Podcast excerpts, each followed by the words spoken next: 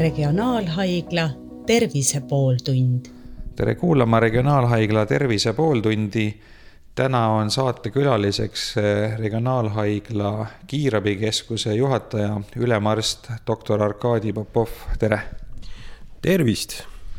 praegune eriolukord paneb ka eh, kiirabi tööle väga suured äh, nõudmised, kuidas te olete sellega hakkama saanud ja kuidasmoodi on kiirabi töö praegu korraldatud võrreldes äh, tavaolukorraga? meie kiirabikeskuse töö praegu on ümber korraldatud nõnda, et äh, me rakendasime praegu kolm lisakiirabibrigaadi miks selline vajadus meil tekkis, on see, et me kõigepealt alustasime Covid üheksateist testimisega äh, prehospitaalses etapis, ehk siis äh, me käisime ja käime ka praegu meie kiirabibrigaadidega äh, patsientide kodudes selleks, et võtta proovi, Covid-19 nakkuse proovi ja kontrollida, kas inimene on haigestunud või mitte. Alguses me testisime vastavalt Terviseameti korraldusele kõik patsiendid, kellel oli probleem seoses äh, selle Covid kahtlusega ehk siis äh, palavik, köha ja oli kontakt kellegiga, kes oli ka haigestunud või käis mujal väljaspool Eestist. nüüd me vastavalt Terviseameti soovitustele teostame testimise ainult nendele isikutele, kes kuuluvad riskigruppidesse. ja ma pean ütlema, et viimasel ajal Nende proovide võtmise arv on meil langenud, äh, aina rohkem kasutatakse praegu haiglaeelses etapis niinimetatud drive-in teenust, äh, mille korral äh, patsient tuleb ise isikliku autoga drive-in'i, annab proovi ja saab mõne aja pärast tulemuse. meie brigaadid, konkreetselt praegu meil üks kiirabibrigaad, mis on spetsiaalselt mõeldud proovide võtmiseks teeb tööd siis, kui äh, patsient ise ei suuda drive-in'i punkti minna. Ja äh, temal on näiteks liikumishäire äh, ja ta võib-olla on krooniliselt haige inimene. Ja siis vormistatakse kutse nii, et helistatakse perearstile, perearst otsustab, kas see patsient vajab testimist või mitte, siis toimub kõne sada kaksteist äh, ja sada kaksteist, see on häirekeskus, edastab meile sellise kutse. meie brigaad sõidab kohale, võtab testi ära äh, lisaks sellele meil keskuses on äh, veel kaks transpordibrigaadi. Need olid ka spetsiaalselt komplekteeritud seoses epideemia arenguga meil riigis ja nende äh, funktsioon seisneb äh, patsientide meditsiinilises transpordis erinevate haiglate vahel, kuna me teame, et seoses haigestumisega tekib selline, ütleme, suurema intensiivsusega liikumine, patsientide suunamine ühest haiglast teise ja selline vajadus on meil täiesti olemas, et eelkõige me räägime Covid-19 nakatatud patsientidest, kes peavad liikuma näiteks üldhaiglast või keskhaiglast nakkuskliinikusse, Lääne-Tallinna Keskhaiglasse Äh, või ka me räägime nendest patsientidest, kes peavad liikuma äh, vastassuunas, teiste sõnadega näiteks äh, kolmanda etapi haiglast, milleks on meil Põhja-Eestis regionaalhaigla, liiguvad nad selleks, et vabastada kohad suures haiglas, kuhu tulevad need Covid patsiendid ja suunata neid patsiente edasi üld- või keskhaiglatesse edasiseks raviks selline on meie plaan. lisaks sellele muidugi me kaalutleme, kas me peaksime nüüd rakendama kaheliikmelisi brigaade meie töös. momendil selline vajadus meil puudub, aga ta võib tekkida tulevikus, juhul kui personal haigestub ja juhul, kui me peaksime Eh, komplekteerima ka lisabrigaade. nii et eh, praegu momendil olukord meil kiirabis eh, suhteliselt stabiilne, me monitoorime, kas meie töötajad haigestuvad või mitte, kas nad vajavad karantiini või mitte ja vastavalt selle, sellega siis me planeerime meie tööressurssi ja planeerime brigaadide komplekteeritust võib karta, et äh, kuna nii palju tähelepanu läheb äh, koroonaviiruse patsientidele, et siis jäävad muud äh, abivajajad nagu tagaplaanile, et kuidas on lugu sellega, et kas sellised tavapatsiendid, kes ikka vajavad kiirabi, olgu need siis traumad või infarktid või insuldid või muud erakorralised olukorrad, et kas nende teenindamine on ka kuidagimoodi sellest koroonaviiruse eriolukorrast häiritud? Peab ütlema, et viimasel ajal, mida me oleme märganud, see, et töö intensiivsus on meil isegi langenud võrreldes sellega, mis äh, toimus enne seda, kui koroonaviirus tungis meie riiki.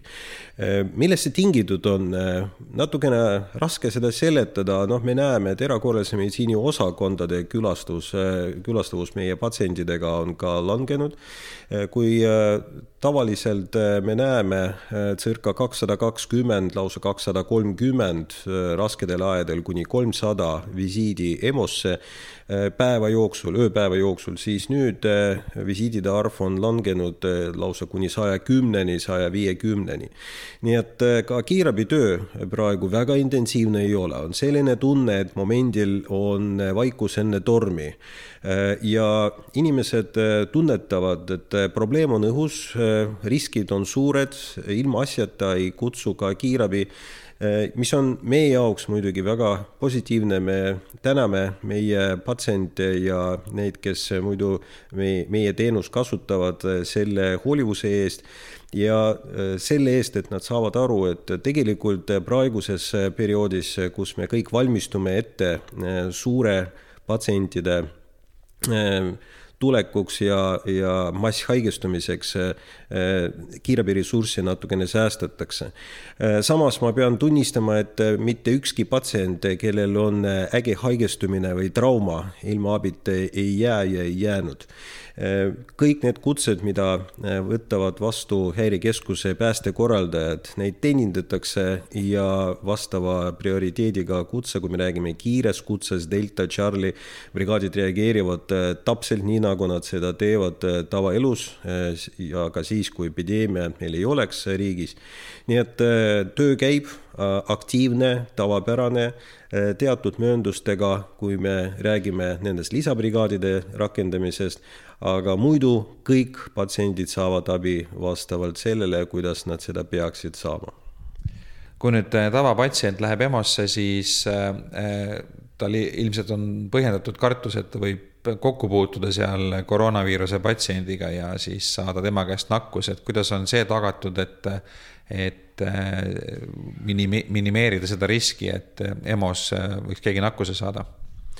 no me tegime üsna palju ettevalmistustööd selleks, et äh, minimeerida neid riske ja number üks, äh, mis, mis on meie äh, meede on see, et meil on tekitatud nüüd spetsiaalsed teekonnad meie patsientidele, kes tulevad EMO-sse ise ja kes tulevad kiirabiga. nii et kui me räägime nendest haigetest, kes on potentsiaalsed ambulatoorsed patsiendid, kes meid külastavad Äh, ütleme, ööpäeva jooksul äh, tavalise perioodi, tavalisel perioodil, siis kui meil ei ole epideemiat, äh, üldjuhul rohkem kui sada ööpäevas, siis nende jaoks on meil praegu kaks teekonda. number üks, nende jaoks, kes võivad olla potentsiaalselt nakatatud, kellel peamiseks probleemiks on palavik, köha Äh, ja on kahtlus Covid-19 infektsioonile. Nende jaoks on meil erakorralise meditsiini osakonna ees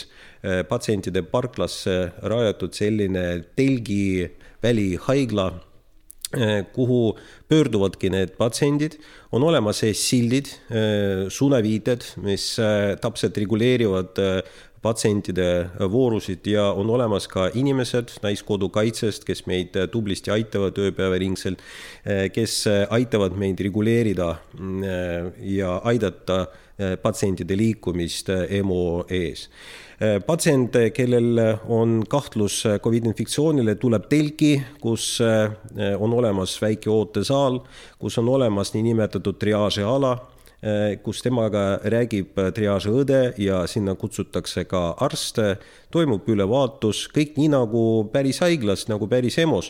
Eh, aga kõik toimub telgis ja see patsient ei, tohigi liikuda üldse äh, maja sisse, päris erakorralise meditsiini osakonda, sest me kahtlustame temal äh, Covid-19 nakkuse ja personal, kes teda telgis teenindab, äh, vastavalt riietatud, kasutab isikukaitsevahendeid. vajadusel, kui see patsient kuulub riskigruppi, võt-, võetakse sellel patsiendil Covid-19 proov ja telefoni teel saab temaga vastuse selle kohta kui nüüd äh, me räägime patsiendist, äh, kellel on väike trauma, kellel on võib-olla muu tervisehäda, millega ta pöördub EMO-sse, aga temal ei ole palavikku ja temal ei ole köha, ta ei kahtlusta endal sellist infektsiooni, siis tema teekond on tavapärasem. meil on olemas spetsiaalsed piirded, koridorid, mis on väljaspoolt maja seatud. Nii, et patsiendil eh, ei tekikski eh, võimalus liikuda eh, vales suunas, nii et ta läheb täpselt õigesse kohta EMO-sse, kus jällegi ukse ees seisab meie registraator, kes igaks juhuks täpsustab, ega patsiendil tõepoolest ei ole palavikku ega köha. Eh, Covidi sümptomeid. juhul, kui ei ole, ta seda kinnitab, siis teda lastakse edasi, registreerimine toimub ja ta pääseb edasi triaažiõe juurde, läbivaatusele, kõik nii nagu tavaliselt. aga me muidugi pöörame tähelepanu sellele, eh, kuidas me neid haigeid sorteerime, see on äärmiselt oluline selleks, et ükski eh, potentsiaalselt nakatunud inimene ei satuks päris erakorralise meditsiini osakonda, sinna, kus asub meie niinimetatud puhas ala. nii et äh, meie jaoks on puhas ala tavaline erakorralise meditsiini osakonna äh, läbivaatuse osa, see on rohiliste patsientidele mõeldud äh, ala tavaliselt need on ambulatoorsed haiged ja sinna loodame ja ootame loodame, et sinna ka tulevad ja ootame neid, kes ei ole nakatunud. nii et eh, see risk on viidud miinimumini, lisaks sellele eh, juhul, kui eh, inimene tuleb osakonda, ta saab meie käest kirurgilise maski isegi kui ta arvab, et ta ei ole nakatunud, aga kirurgiline mask veelgi vähendab sellist riski, et inimene saab levitada infektsiooni osakonnas. igal pool seisavad desinfektantid, spetsiaalsed vahendid selleks, et puhastada kätt näiteks ja kätehügieen on äärmiselt oluline vahend infektsiooni levitamise prof-, profülaktikas ja kiirabipatsiendid, kes tulevad EMO-sse, nende jaoks on ka erinevad teekonnad olemas. meie kiirabi koostööpartnerid on kõik informeeritud selle kohta. kui patsient on Covid-19 kahtlusega, tema ei tule äh, üldse äh, sinna, ütleme, piirkonda, kus teenindatakse patsienti ilma äh, nakkuseta. Äh, nende patsientide jaoks on olemas eraldi isolaatorid, äh, meil on kaks eraldi isolaatorit eraldi sissepääsudega ja niinimetatud lüüsidega, kus töötab personal, kes vastavalt riietub ja nii edasi, nii edasi, nii et see teekond on meil läbi mõeldud, läbi mõeldud ka teekond, kuidas nakatunud patsient liigub majasiseselt uuringutele, ravile nii et äh, selleks, et minimiseerida, minimeerida jällegi teiste patsientide ja ka meie töötajate äh, nakatamise riski. Need haiged, kellel puuduvad äh, Covid-19 tunnused, puudub palavik, nad tulevad tavalist teed mööda, jõuavad niinimetatud kiirabi triaaži punkti, kus toimub haigete sorteerimine. kui on vähegi kahtlus infektsioonile, aga see infektsioon ei ole veel kindel patsient satub musta tsooni. must tsoon on vahepealne ala, meie EMO jälgimissaal, kus äh, toimub väljaselgitamine. patsiendil võetakse test ja selgitatakse välja, kas see haige on positiivne Covidi suhtes või negatiivne. kui koroonaviiruste, koroonaviiruse vastus on negatiivne, see haige pärast tavapäraseid uuringuid liigub edasi kas osakonda või läheb koju ambulatoorsele ravile. kui ta on positiivne, siis äh, tema teekond äh, on selline, et kui patsient positiivne ja vajab ambulatoorset ravi, ta saab instruktaaži selle kohta, kuidas käituda kodus. selle, selle jaoks on olemas spetsiaalne Terviseameti poolt välja töötatud infoleht ja meie töötajad on instrueeritud, mida peab rääkima patsiendile, tema sugulastele, kuidas nõustada haigeid juhul, kui patsient peab jääma haiglaravile, siis selleks on meil ka loodud kõigepealt nendele, kes vajavad intensiivravi, vastav Äh, teekond ja vastavad osakonnad, kes võtavad äh, äh, neid haigeid vastu, intensiivravi osakonnad koos isolatsiooni võimalustega. kui on tegemist patsiendiga, kes momendil ei vaja intensiivravi, aga kes on Covid positiivne, selline haige liigub spetsiaalse osakonda, mille nimeks on meil majas Covido. Covid osakond. Ja see on ümber profileeritud äh, Äh, kardioloogia osakond, kus äh, töötavad äh, tublid meie töötajad ja kus on tagatud kõik isolatsiooni võimalused, kus personal kannab kaitseriideid kogu aeg ja mis on valmis selleks, et teenindada nakatunuid patsiente.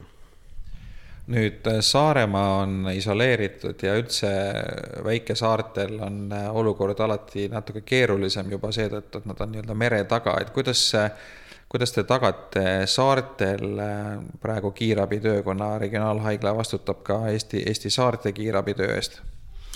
ja tõepoolest, äh, meil on tihe kontakt tegelikult äh, nii väikesaartega, Hiiumaaga, me pidevalt monitoorime Saaremaa olukorda, sest me teame, et praegu Saaremaa on tõesti selline noh, tõesti no ütleme, eesliin Covidiga võistlusel, koroonaviirusega äh, võitlusel Eestis. nakatunute arv Saaremaal on äh, suhteliselt kõrge ja levik on laialdane äh, me teame, et mõned töötajad Saaremaa haiglas, Kuressaare haiglas on ka haigestunud, aga see ei ole meie andmetel praegu veel massiline, me, meil on kontakt olemas kolleegidega Kuressaare haiglast. ja muidugi me hea meelega ja esimesel võimalusel tuleme meie kolleegidele appi, juhul kui nad vajavad patsiendi evakueerimist mandrile saatmist, juhul kui see patsient on rahuldavas üldseisundis. Selleks on äh, meie transpordibrigaad, mis tuleb saarele ja mis juba käis saarel ja evakueeris neid haigeid mandrile. juhul kui patsient raskes seisundis, me tuleme saarele kas helikopteriga või reanimobiiliautoga, selleks on meie reanimobiilibrigaadid ja evakueerime patsiendi saarelt. samamoodi näiteks eile meil oli juba selline pretsedent, kus me helikopteriga lendasime, äh, patsient raskes üldseisundis, Covid positiivne, oli toimetatud regionaalhaiglasse, nüüd asub intensiivravi osakonnas ravil. nii et äh, sellised äh, noh, olulised kontaktid on meil pidevalt olemas. me kohe epideemia alguses, kui me kuulsime, et Saaremaal puhkes epideemia, täies hoos. meie saatsime sinna koostöös Päästeameti Kose logistikabaasiga Eesti päästemeeskonna meditsiinirühma telgid äh, selleks, et ka Saaremaal äh, Kuressaare haigla juures tekiks sarnane meie välis, väliemo võimekus, väliemoga võimekus, et saaks sorteerida haigeid, need, kes on potentsiaalsed Covid positiivsed tuleksid telgi ja oleksid teenindatud seal. Need, kes on niinimetatud puhtad patsiendid ilma infektsiooni tunnusteta, tuleksid siis päris EMO-sse. see jällegi võimaldaks äh, jagada Äh, või jaotada need patsiendid äh, õigesti äh, erinevate tsoonide vahel, sellega vähendada nii patsientide kui ka personali nakatumist. ja ma usun, et sellest on abi meie, nii meie kolleegidele Kuressaare haiglast kui ka patsientidele, kes elavad Saaremaal millist äh, nõu te praegu annaksite inimestele, kes kaaluvad, et, äh, et kas kutsuda kiirabi või mitte, et mis on see olukord, äh, mis nõuaks kiirabikutset mis olukord mitte, et milline see, see hea tava praeguses olukorras võiks olla? muidugi kõigepealt peab lähtuma sellest, kuidas inimene käitub tavalises elus, et kui on, me ei tohi unustada, et needsamad traumad ja infarktid ja insuldid eh, ikka juhtuvad ka praegu, vaatamata sellele, et meil on koroonaviirus eh, Eestis. Eh, nii et kui inimene tunneb, et teil tekib tõsine tervisehäire, ta muidugi peab helistama sada kaksteist, nii nagu ta oleks teinud ka epideemia välisel ajal. kui me räägime konkreetselt koroona infektsioon, koroonaviiruse infektsioonist, siis me teame, Eh, ja see kogemus on olemas praegu, eh, mis on üle võetud Hiina kolleegidelt, eh, Itaalia kolleegidelt, teistest riikidest, on see, et koroonaviiruse infektsioon kulgeb suhteliselt või praktiliselt healoomulikult, ilma tõsiste sümptomideta praktiliselt kaheksakümne protsendi patsientidel. nii et see number on suur aga eh, ei tohi eh, totaalselt maha rahuneda, et eh, jaa, mis ikka, et ma kindlasti ei satu nende kahekümne protsendi sisse.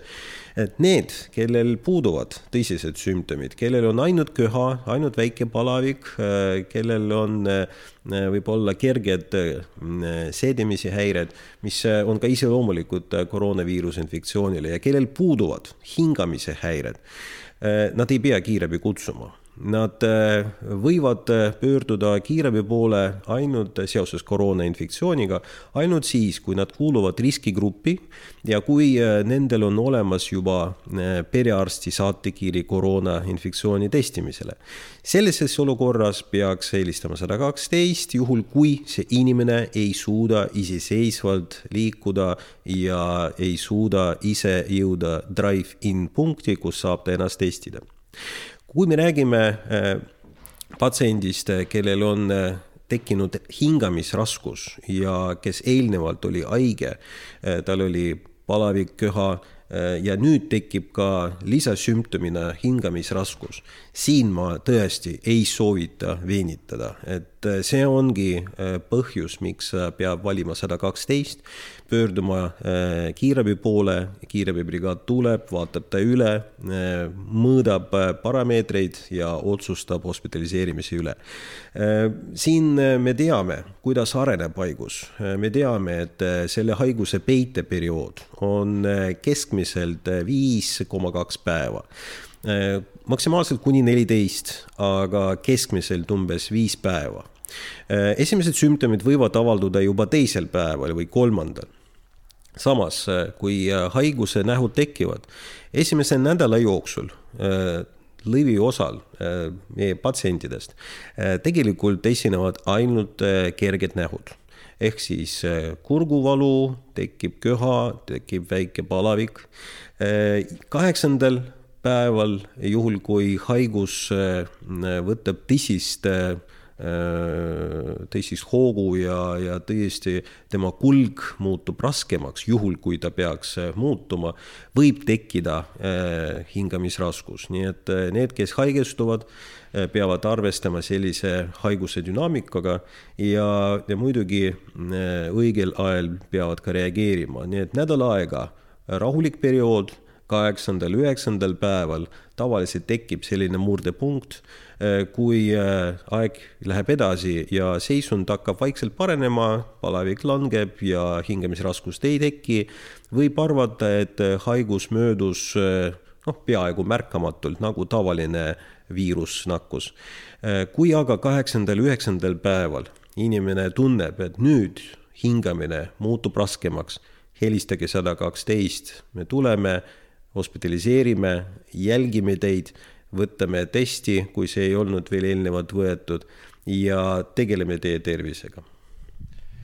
kuidas äh, kiirabitöötajad ise praegu vastu peavad, et äh, nad on ju kõige otsesemalt nii-öelda eesliinil ja palju on tööd, palju on närvipinget ja tegelikult äh, on ka neil ju tegelikult kogu aeg oht ise haigestuda, vaatamata nendele kaitsevahenditele. et eh, kuidas teie selline võitlusvaim või meeleolu para-, parasjagu on?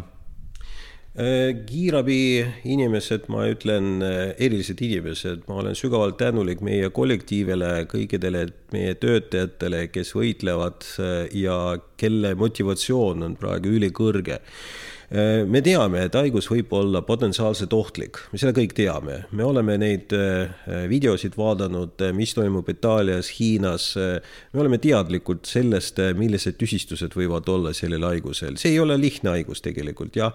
kaheksakümmend protsenti kerge kulg, kakskümmend protsenti on päris tõsised tagajärjed ja me oleme selleks lahinguks valmis. Äh, jah, on olemas äh, teatud probleemid äh, personaliga, me teame, et keegi ei jõudnud õigel ajal puhkuselt tagasi tulla ja sattus karantiini. keegi oli kontaktis nakatanuga, läheb karantiini ei ole meil haigestunuid veel meie kiirabikeskuses, neid ei ole, kes oleks kinnitatud koroonaviiruse infektsiooniga tänase päeva seisuga. Samas äh, äh, me teame, et me ei tohi suhtuda haigusesse üleolevalt ja me peame alati olema äh, ettevaatlikud, me kasutame isikukaitsevahendeid, kusjuures äh, kiirabi isikukaitsevahendite komplekt võrreldes äh, haiglas kasutatava isikukaitsevahendi komplektita on erinev. meil on spetsiaalsed kombinesoonid pritsme kindlast materjalist, meil on spetsiaalsed maskid, niinimetatud FFP kaks või kolm maskid meil on spetsiaalsed kaitseprillid või visiirid, mida me kasutame, meil on topeltkindad. Äh, ja me teame, et see kõik on vajalik selleks, et äh, number üks, kiirabitöötaja ei tohi haigestuda, sest kiirabitöötaja peab päästma teise, teiste inimeste elusid ja peab hoolitsema teiste inimeste tervise eest. number kaks kiirabitöötaja ise ei tohi muutuda infektsiooni allikaks teistele inimestele, keda me teenindame haiglaeelses etapis. aga me teenindame rahvast massiliselt, me sõidame ringi, me suhtleme inimestega, kes ei kasuta isikukaitsevahendeid ja ei tohi tekitada olukord, kus kiirabitöötaja, kes tuleb kiirabikutsele, toob kaasa äh, koroonaviirust. see peab olema totaalselt välistatud. nii et äh, me teame, et äh, isikukaitsevahendite kasutamine on kohustuslik ja eriti oluline, et me teaksime, kuidas me võtame need isikukaitsevahendid ära siis, kui kutse on ära teenindatud. see on äh, tõsine tegevus, me teame, et äh, see on äh, kõige suurema riskiga seotud protsess, nakatamise riskiga seotud protsess, me puhastame totaalselt meie kiirabiauto peale seda, kui toimub Covid positiivse patsiendi meditsiiniline transport. see on ka ajamahukas protsess ja seotud ka teatud nakatumise riskiga. Sellega arvestame, meie poolt on välja töötatud spetsiaalsed tegevusjuhised ja ravijuhised, mis on juhtnöörideks kiirabitöötajatele, kes reageerivad Covid kutsetele Äh, meie patsiendid peavad arvestama, et kui nad helistavad häirekeskusesse ja ütlevad, mul on palavik, ma kahtlustan endal Covid infektsiooni, siis äh, väga sageli juhtub nii, et kiirabibrigaadi juht juba sõidu ajal kutsele helistab äh, kutsujale, täpsustab informatsiooni Äh, tutvub epidemioloogilise olukorraga sündmuskohal. Äh, ja siis, kui brigaad jõuab kohale, siis äh, sellisele kutsele, kui patsiendi seisund ei ole raske, tuleb ainult üks kiirabibrigaadi juht isikukaitsevarustuses. tema vaatab patsiendi üle ja kui patsient ei vaja hospitaliseerimist, teised brigaadi liikmed ei tulegi üldse kutsele. sellest täiesti piisab kui patsient vajab hospitaliseerimist, siis äh, kutsele tulevad ka kõik teised brigaadi liikmed, patsient teenindatakse täies mahus ja vajadusel ka hospitaliseeritakse.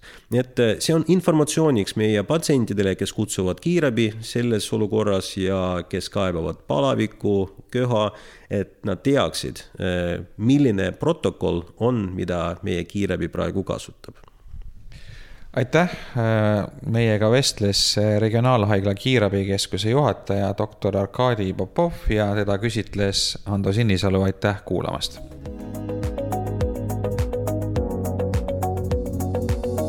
regionaalhaigla Tervise pooltund